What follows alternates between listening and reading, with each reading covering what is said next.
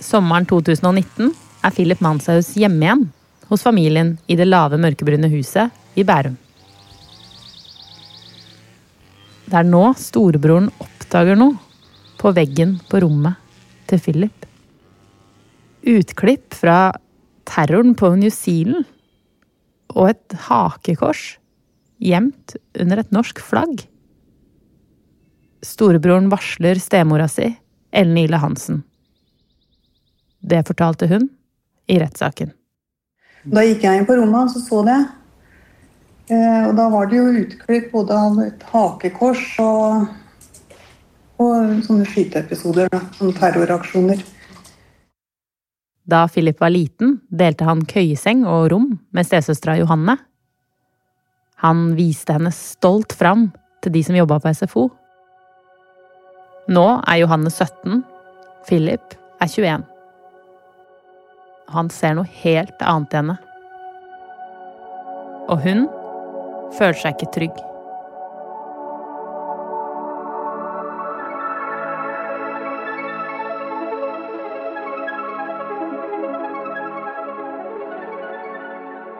Jeg heter Mari Lund Viktorsen, og du hører på Noen å hate, en dokumentarserie fra Aftenposten. Ti år etter 22. juli skal jeg ta deg med inn i en internettkultur som hyller Anders Behring Breivik, og som radikaliserte Philip Manshaus. Episode fem Jeg føler meg ikke trygg. I denne episoden skal du få høre om hva Philip Manshaus gjør i dagene før Norge opplever et nytt terrorangrep. Men først hvem var Johanne?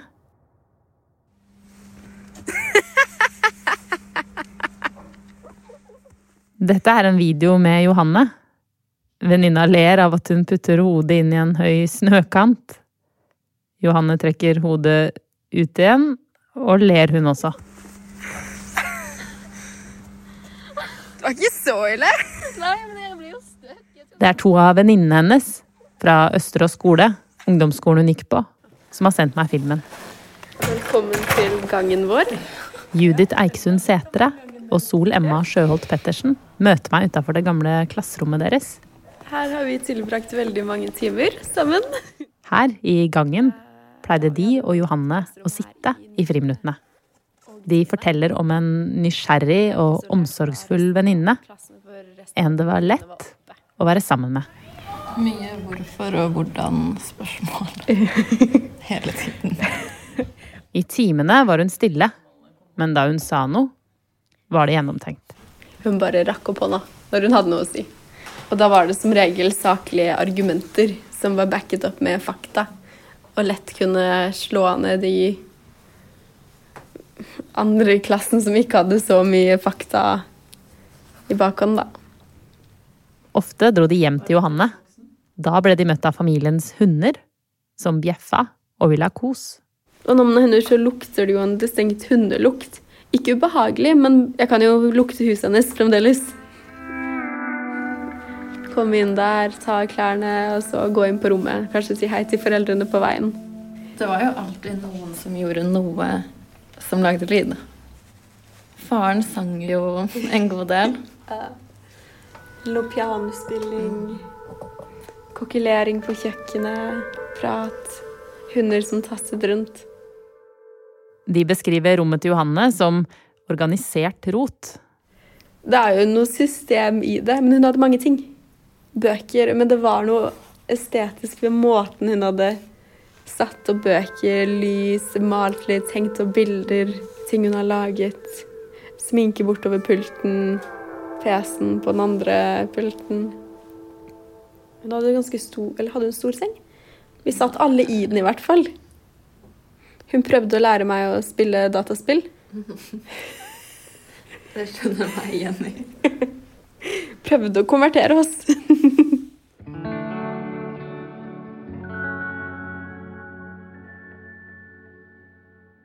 Sommeren 2019 var Johanne bekymra for hvem stebroren hadde blitt. I retten fortalte mora Ellen om rasistiske episoder. Johanne kom til meg og sa at eh, hun hadde smurt seg med solkrem. Og da hadde Philip eh, sagt at du trenger vel ikke å smøre deg med solkrem. Du som er kineser, jo jeg blir også sol, jeg blir solbrent, jeg òg. Ja ja, men det er vel for at du vil eh, være hvit.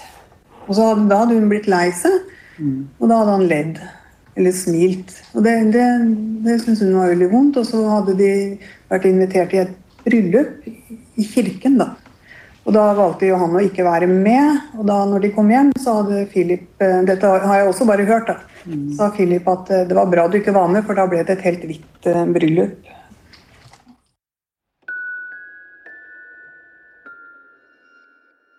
Johanne hadde en kjæreste i Portugal som hun ble kjent med da de spilte sammen på nett.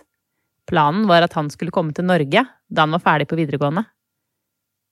Hun skrev meldinger til han om Philip. Stemmen som leser meldingene, er en skuespiller. Philip snakker om rase og renavl. Åpenbart er det hvite som anses å være mennesker. Philip er så rasistisk og hatefull. Føler meg ikke trygg. Under rettssaken beskrev stemora Philips oppførsel den sommeren sånn her. Nei, jeg syns han virket sint gjennom hele sommeren. Ja. Det var sånn at jeg var bekymra for han, han har det ikke noe bra. ikke sant? Det, det er jo ikke noe godt å se, å se ungen sin eh, sånn. Hun husker spesielt én av samtalene deres, om muslimer og innvandring. Hvor han sa men skjønner dere ikke at jeg bare vil redde dere, eller vil deres eget beste? Og så ble han veldig sint, og så gikk han ut. Og så var det i forbindelse med holocaust at han benektet dette. og så husket jeg litt på at jeg må stille sånne undrende spørsmål, så jeg spurte han men alle disse jødene som har forsvunnet, hvor er de hen da, hvis ikke de ble drept? Det er jo lett å se registre og alt mulig for folk som på en måte ikke eksisterer lenger. Og det var jo eiendommer og alt mulig. Da ble han veldig sint. Og sa det er bare hjernevask, alt er løgn. Og bare hjernevasking, alt sammen er løgn. Disse, han var jo med hvite busser og med tidsvitner. Men tror du disse eldre menneskene da bare har sittet og løyet for dere? Ja, det tror den. Stemora fortalte at hun så på han, at han ikke hadde det bra. Og det er ikke noe godt å gå rundt og være så sint. Og jeg var jo egentlig ganske fortvila, for jeg, jeg, er jo veldig glad i Philip. Så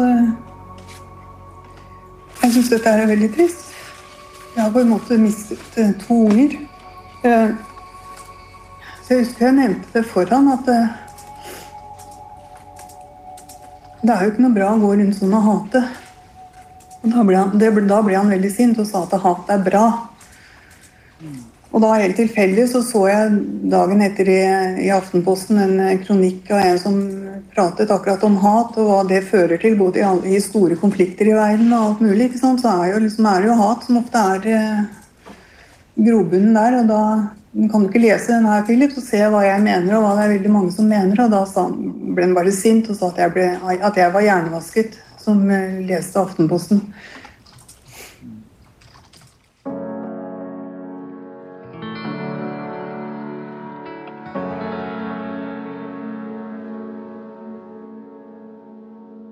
I tida etter at han kom hjem fra folkehøgskolen, tilbrakte Philip mye tid på nett. På det meste 12–16 timer i døgnet. Da politiet senere beslagla Mac-en hans, var bakgrunnsbildet et maleri fra 1906 som viste to blonde damer og fem små barn som løper rundt i en blomstereng. Og på mobilen hadde han et bakgrunnsbilde av Adolf Hitler. Han står i en trapp med en kappe som blafrer i vinden. Mesteparten av surfinga gikk til høyreekstreme videoer på YouTube, 4chan og 8chan. Han spilte også Tribal Wars, der hver spiller kontrollerer en liten landsby og kjemper om å få makt. Brukernavnet hans var 14 White Power 88. Åtte er den åttende bokstaven i alfabetet, altså H. Og HH står for Heil Hitler. Mot slutten av juni lagde Philip en egen kryptert e-postkonto. Han kalte den Jødejegeren. Så sendte han en mail med en søknad om medlemskap i naziorganisasjonen Den nordiske motstandsbevegelsen. I mailen, som ble lest opp av en skuespiller, skrev han Jeg har tidligere vært nølende i å ta kontakt, da det var oppfatning at det ville være lurere å forbeholde en lav profil. Men jeg er rett og slett ikke i stand til å ikke ha et eneste individ å kunne betro meg til og finne forståelse hos. Det gjør meg fullstendig gal, og det er ikke sunt for et menneske, har jeg besluttet. I løpet av sommeren prøvde Philip å overbevise venner om at mørkhudede ikke hører hjemme i Europa. Han sendte bilder og lenker for å få dem til å forstå. En av vennene fortalte i rettssaken at han av og til prøvde å finne motbevis. Andre ganger lot han være å svare. Flere venner syns Philip var blitt så ubehagelig å være sammen med at de ikke møtte opp hvis de visste at han også skulle være der. Sommeren gikk. Philip hjalp faren i trehuggerfirmaet. 1. august skal Philip ha lagd en profil på Tinder. Og nå var nettaktiviteten på Mac-en hans høyere enn noen gang. Han satt både på rommet sitt og på kjøkkenet. Faren leste avisa og visste ingenting om hvilke nettsider sønnen besøkte. De satt i samme hus, men i hver sin verden. Så gikk det raskt. Terroristen fra New Zealand, som han søkte på allerede på folkehøgskolen, dukker opp igjen i politiets oversikt over Philips digitale liv. Han har sett videoen fra terrorangrepet og lest om det, men ikke lasta ned manifestet. 2. august 2019 gjør han det. I manifestet skriver akselerasjonisten Tarrant at han er inspirert av Anders Behring Breivik, og at den norske terroristen er den som har påvirka planene hans mest. Tarrant var den første som livestreama et terrorangrep, sånn at man kunne se angrepet på Facebook mens det skjedde. Og for å være ærlig så orker jeg ikke å se den videoen sjøl. Men en som har gjort det, og som aldri glemmer den, er Emanuel Stokes. It felt surreal and because it looked so much like a video game, like a sort of shoot 'em up video game, but it was in a place that I knew. I mean, I can't really describe, I can't really put it into words, but I felt like physical shock. Emanuel er journalist på New Zealand og fulgte rettssaken mot Tarrant. Den personen han så i rettssalen, så ikke ut til å være i stand til å både planlegge og utføre en massakre. On the final day, um, I, I was about six feet away from him or something. When I was really close. Then I could tell that he was nervous at that point. Det han så, var en knust mann som skjønte at han hadde kasta bort livet sitt.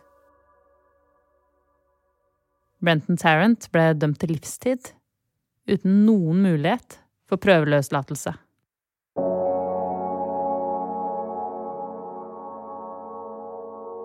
Men noen steder på internett var Tarrant blitt en helgen etter massakren. I likhet med Breivik og flere andre soloterrorister begynte det å dukke opp bilder av den såkalte St. Tarrant. I had a look over at the 4chan. You know, you saw people creating these sort of graphics of him calling him Saint Tarrant, and he had a halo with a gun on one hand and then a copy of his manifesto in the other, and that sort of thing. Etter at Emanuel og resten av verden så hvor spinkel Tarrant faktisk var i retten, var han nesten sikker på at heltedyrkelsen ville gi seg. Men det skjedde ikke.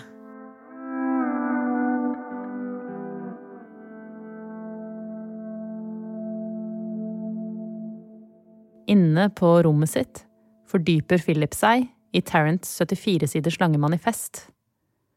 Han tar oppfordringene til massedrapsmannen svært personlig, som et kall. Nå er det lørdag 3. august 2019. Det er sju dager til Norge skal oppleve et nytt terrorangrep. Denne lørdagen søker Philip på Moské Bærum. Så går han inn på moskeen Al-Noor på Google Maps. Philip er ikke den eneste som har lest manifestet og blitt inspirert av Brenton Tarrant. Noen måneder tidligere, mens Philip var på folkehøyskolen, gikk John Ernest til angrep på en synagoge i California. Nå intensiveres terrorstafetten. Rett etter at Philip har søkt på den lokale moskeen, skjer det nok et høyreekstremt terrorangrep. Denne gangen er målet latinamerikanere. I'm Daniel Marin. Thanks for joining us. We're following that breaking news. An active shooter at the Cielo Vista Walmart in East El Paso. Flere mennesker skal altså være skutt og drept på et kjøpesenter i El Paso i Texas nå i kveld. The shooter in El Paso posted a manifesto online consumed by racist hate. På et kjøpesenter i USA dreper Patrick Crucius 23 personer. Han poster et manifest på Achan og sier han er direkte inspirert av Tarrant. Etter det blir Achan stengt, men Philip får lasta ned manifestet hans.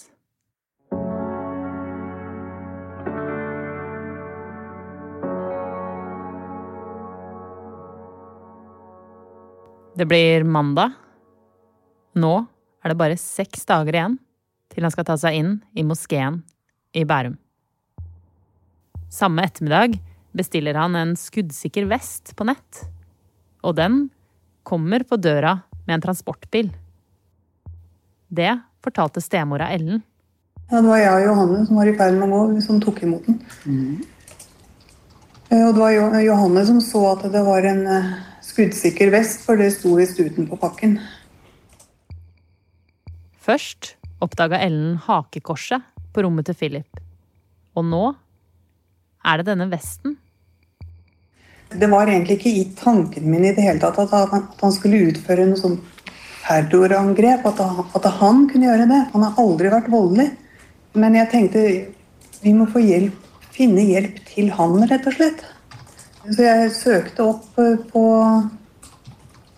Google, da. Og, og, og liksom radikalisering og, og da jeg også visste at han hadde fått en sånn eh, skuddsikker vest. Som jeg egentlig der og da ikke kobla til noe terroraksjon, men, men eh, altså, alt sammen må allikevel ha, ha, ha, satt i gang en, eh, en, tanke hos meg som gjorde at jeg, jeg ville ringe politiet. Han har jo hatt alle disse fasene tidligere, men Så da gjorde jeg jo ikke det der og da. De neste dagene framstår Philip blidere, fortalte faren i retten. Det virker som at han legger bort de mest ekstreme tankene. Men stemora har en dårlig følelse. Men vi hadde iallfall fått inntrykk av at Philip på en måte hadde snudd på en måte, da. Jeg syns det var veldig unaturlig. Nesten foruroligende, egentlig. Så det var jo derfor jeg pratet med venninnen min og fortalte at jeg ville sende en bekymrings... ringe politiet, da. Senere skal Philip forklare at han bevisst forsøkte å late som han la tankene fra seg, så ingen skulle stoppe ham. Men han fortsatte å se høyreekstremt innhold på nett.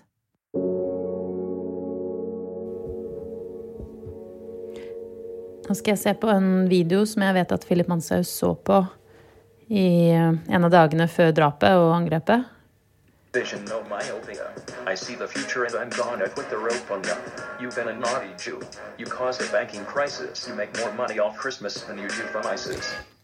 Det er med en figur som heter Moonman. Som har et ansikt som ser ut som en måne. Helt sånn tegnes, tegnefilmaktig. Låta er jo catchy, da, så det virker jo som de vil at jeg skal trampe takta. Det virker som de syns det er morsomt, men det der er ikke morsomt, ass.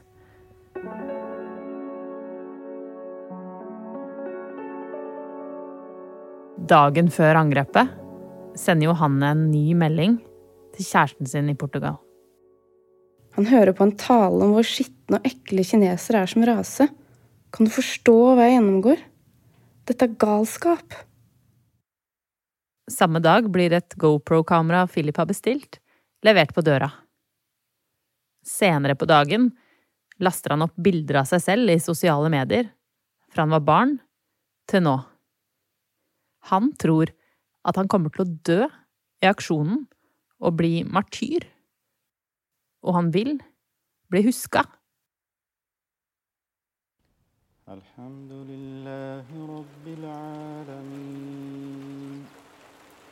Lørdag 10. august.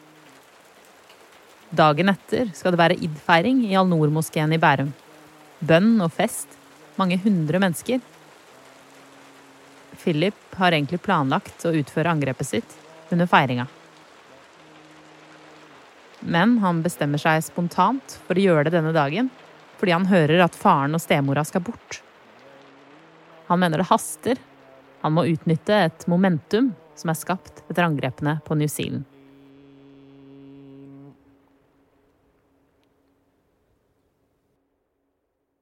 Faren sitter ved frokostbordet da Philip kommer ned og setter seg sammen med han. De løser kryssord. Kort tid etter drar faren. Han skal synge et bryllup sammen med koret sitt. Philip setter seg i stemoras hvite elbil. Han kjører til den lokale Kiwi-butikken for å handle inn matvarer som mel, ris, knekkebrød og leverpostei, som han mener faren og stemora kommer til å trenge i en kommende rasekrig. Det Philip har forklart at han tenker her, er at han vil drepe Johanne for å beskytte faren og stemora. For i rasekrigen som han tror vil komme, vil de bli angrepet. Fordi de har tatt til seg et barn med et annet etnisk opphav.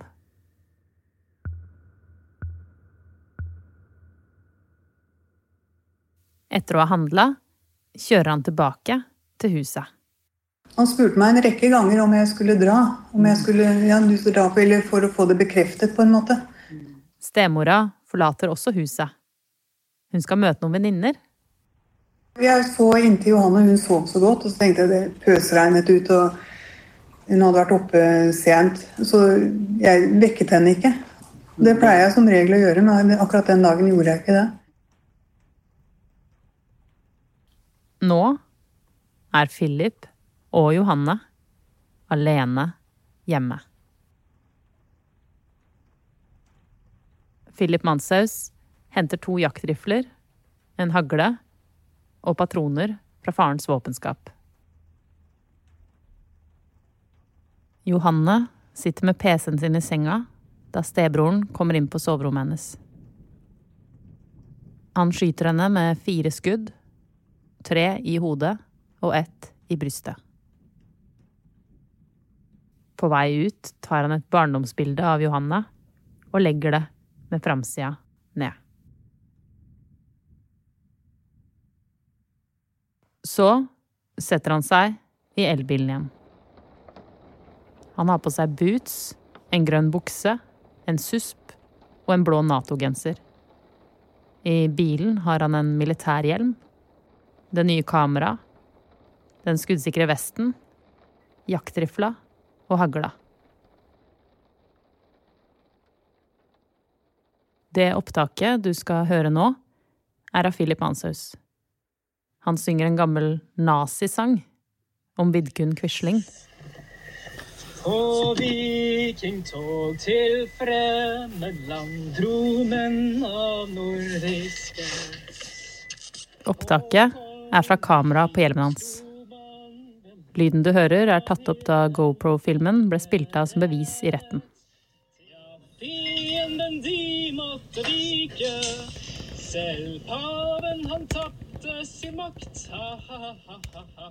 Grunnen til at kameraet går, er at hans plan er å streame angrepet på internett. Sånn Tarrant gjorde. Han får ikke til å livestreame, men opptaket blir lagra. Det får holde. Philip Manshaus stopper i nærheten av moskeen.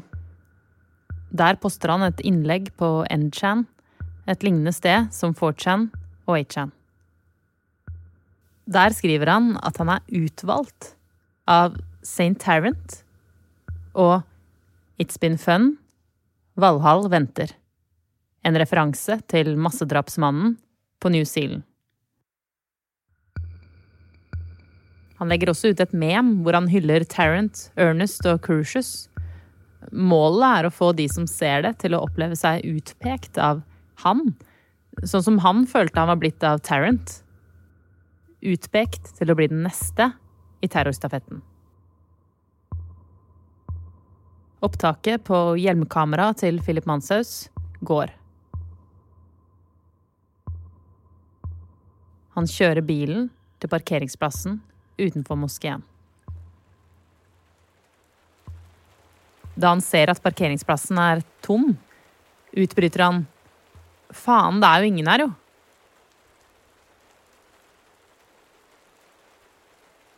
Med våpen i begge hendene går han opp trappa og prøver å komme seg inn hovedinngangen. Men der har moskeen nylig installert et nytt kodelåssystem etter massakren på New Zealand. Så Manshaus fortsetter til sideinngangen. Han fyrer av fire skudd gjennom døra.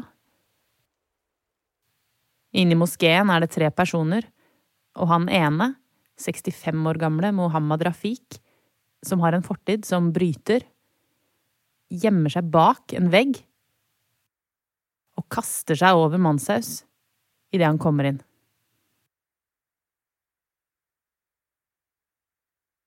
To minutter unna brytekampen, som utspiller seg på gulvet, bor Irfan Mushtak.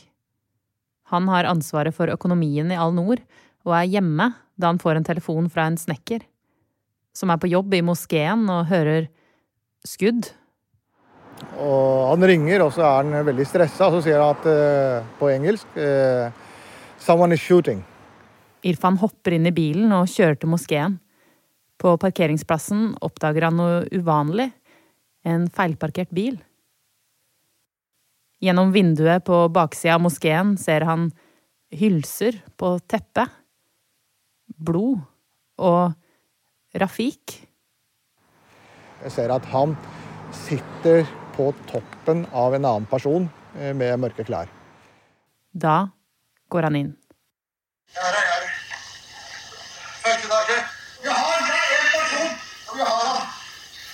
Han Og Det er én person.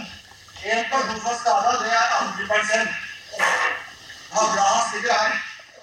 Lydopptaket du hører, er også fra kamera på hjelmen til Philip Manshaus. Irfan har politiet på tråden, mens han hjelper til med å holde Manshaus nede og binder føttene hans med et sjal. Få ambulansen. Få ambulansen hit. Han er våken og puster. Han har utstyrt kledd med vest og bukk i sånn traumetisser. Ung, blond mann.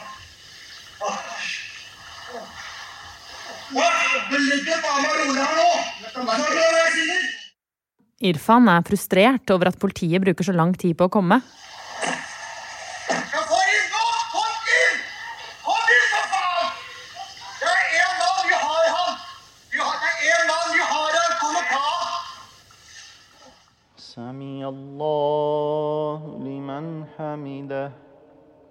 Ingen dør i moskeen.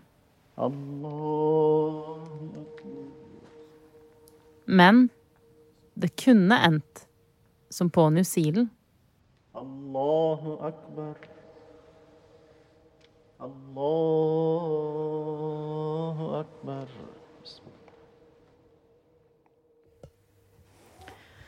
Og på internett den lørdagen her så var det flere på Pol på 4chan som ja, var positive til det som hadde skjedd. Det var en som skrev eh, Gud, jeg håper han får et solid drapstall på noen faktiske fordømte islamske innvandrere, ikke kvinner og barn. Her er det en til. For en helvetes skuffelse. Ingen døde, ingen døde, ingen livestream. Og noen av dem som skrev, var nordmenn. Her er det en Vi har rekorden med 77 kills. Vi gjør det bra.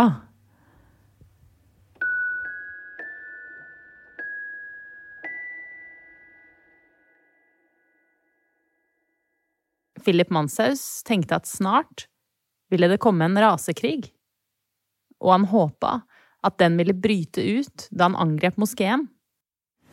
Ja, Manshaus, du har anledning til å komme med sluttbemerkninger dersom du ønsker det.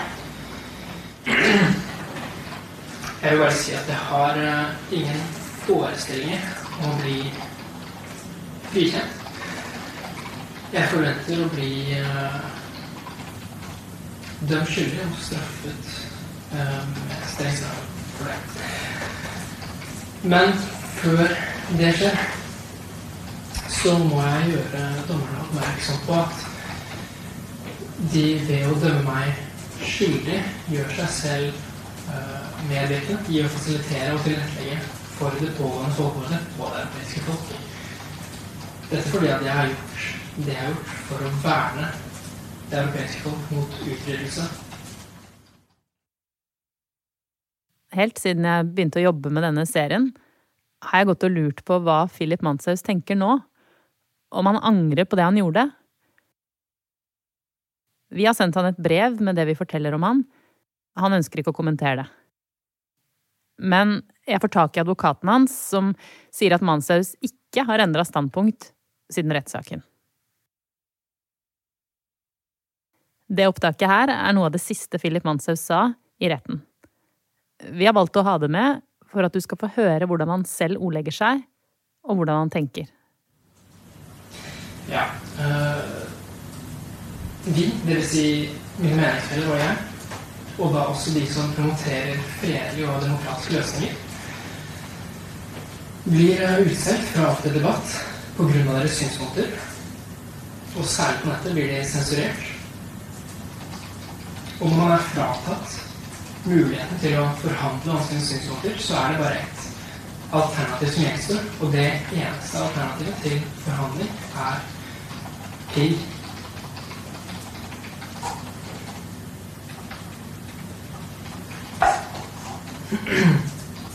Men for hver dag som går, så vokser vi, dvs. Si i motstandsbevegelsen, i antall.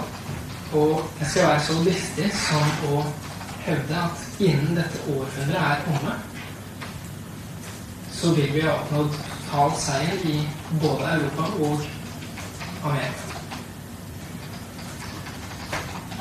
Og hvordan kan jeg være så sikker på det? Hvorfor er jeg så sikker på det? Hvordan kan jeg si det? Jeg vil bare undersøke om det filmes nå. Nei, det blir uh, Det ble kuttet etter prosedyre? Ja. Takk.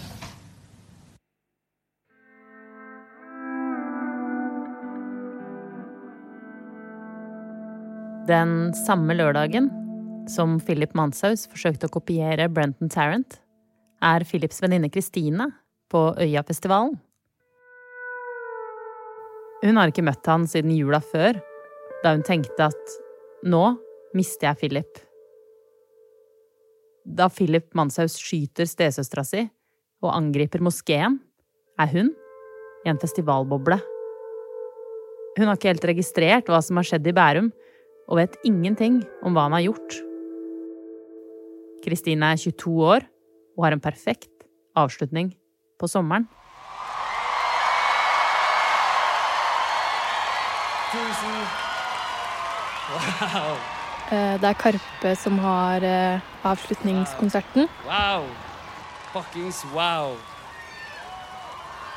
Tusen takk, Øya. Det regner, og det er mørkt, og har på, vi har på regnponcho og gummistøvler, og det er gjørme overalt, og Det er mye følelser samtidig. Fordi vi står liksom litt på siden og har rom til å hoppe og danse og skli rundt i gjørmen.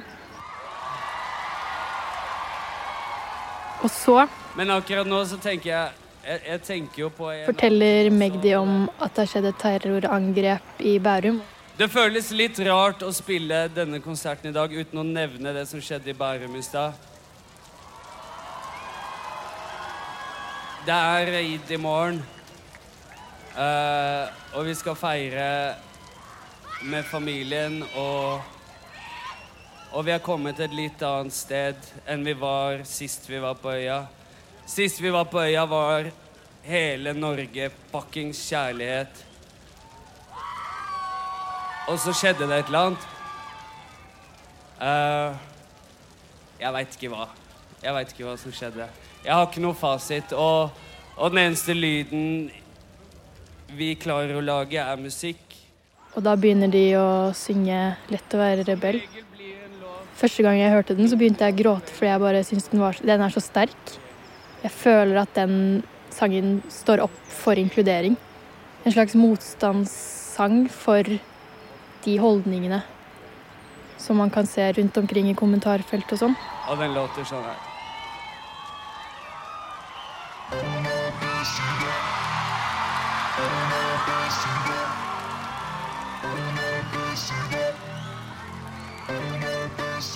bare føles veldig sterkt det som skjer der, og at jeg er der med vennene mine. Og det er noe med å stå der på slutten av sommeren med alle vennene sine og skrike. Apekatter i min blokk og apebakker i min kopi. Er det dette skattepenga mine går til? Har ikke barna dine kom som åka menn kan vinne i lotteri? Er det dette skattepenga mine går til? De sa de kom fra fattigdommen, hadde råd til båttur. Er det dette skattepenga mine går til? Kunne født i staller er ikke hester eller gårdsdyr. Er det dette skattepenga mine går til? Dere er alle sammen ulla! Alle skal bli knulla. Mulla, mulla, mulla, mulla, Se alle skal ulla! Alle skal bli knulla. Mulla, mulla, mulla, mulla, mulla. Om du visste hva jeg ville gi for å bli som deg. Bli som deg, baba, bli som deg. Om du visste hva jeg ville gi for å bli som deg, din feiging. Jeg våkner opp til en melding om at, eh, som er sånn Har du hørt om hva som har skjedd i Bærum? Det er Philip som har gjort det. Og det så lett å være bellyskjell i leiligheten din. Det er så lett å være bellyskjell i leiligheten din. Det er så lett å være bellyskjell i leiligheten din. Du har hørt femte og siste episode av serien Noen å hate fra Aftenposten.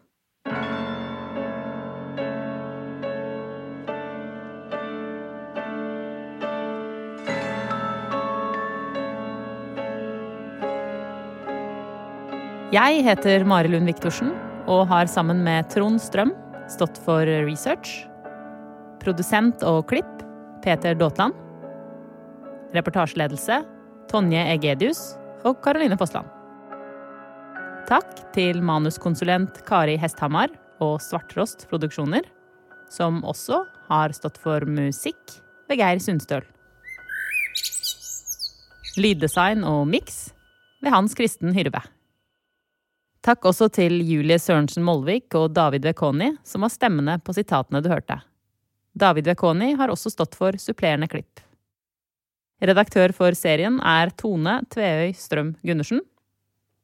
Ansvarlig redaktør i Aftenposten Trine Eilertsen. Opptaket fra hjelmkamera til Philip Manshaus er publisert med tillatelse fra Ringerike, Asker og Bærum tingrett. Irfan Mushtaks samtale med politiet er brukt med hans tillatelse. Opptaket av Philip Manshaus i retten er gjort av NTB. Og opptaket av Karpe på Øyafestivalen har vi fått av Karpe. Takk. Vi har spurt 4chan om de vil kommentere at det deles høyreekstremt innhold på deres plattform. De har ikke svart. YouTube skriver til Aftenposten at hatprat og voldelig ekstremisme ikke har noe hos dem å gjøre. Vi fjerner det raskt når vi finner slikt innhold. De siste årene har vi investert tungt i retningslinjer, ressurser og verktøy som trengs for å beskytte YouTube-samfunnet. Vi har endret våre algoritmer slik at mer pålitelig innhold vises tydeligere i søkeresultat og anbefalinger, uttaler en talsperson for YouTube. Kildene vi har brukt i episoden, er evaluering av politiet og PSTs håndtering av terrorhendelsen i Bærum, Filter nyheter, Budstikka, Klassekampen, Nettavisen og dommen mot Philip Manshaus. Du har hørt lyd fra Associated Press, KTSM El Paso og NRK. Er det noe du lurer på, eller har du tips? Send en e-post til lyddokumentar at aftenposten.no.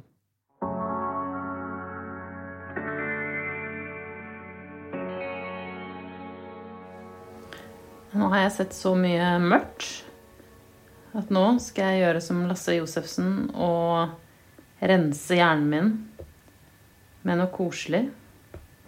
Og pinnsvin. Han har blitt medlem i en gruppe på Facebook med 16 000 andre. Så skal vi se om det er noen bilder her som gjør meg glad. Nei! Nei. Herlighet! Altså, pinnsvinmamma som susser en bitte liten pinnsvinbaby. Nei! Pinnsvin i en pastaskål.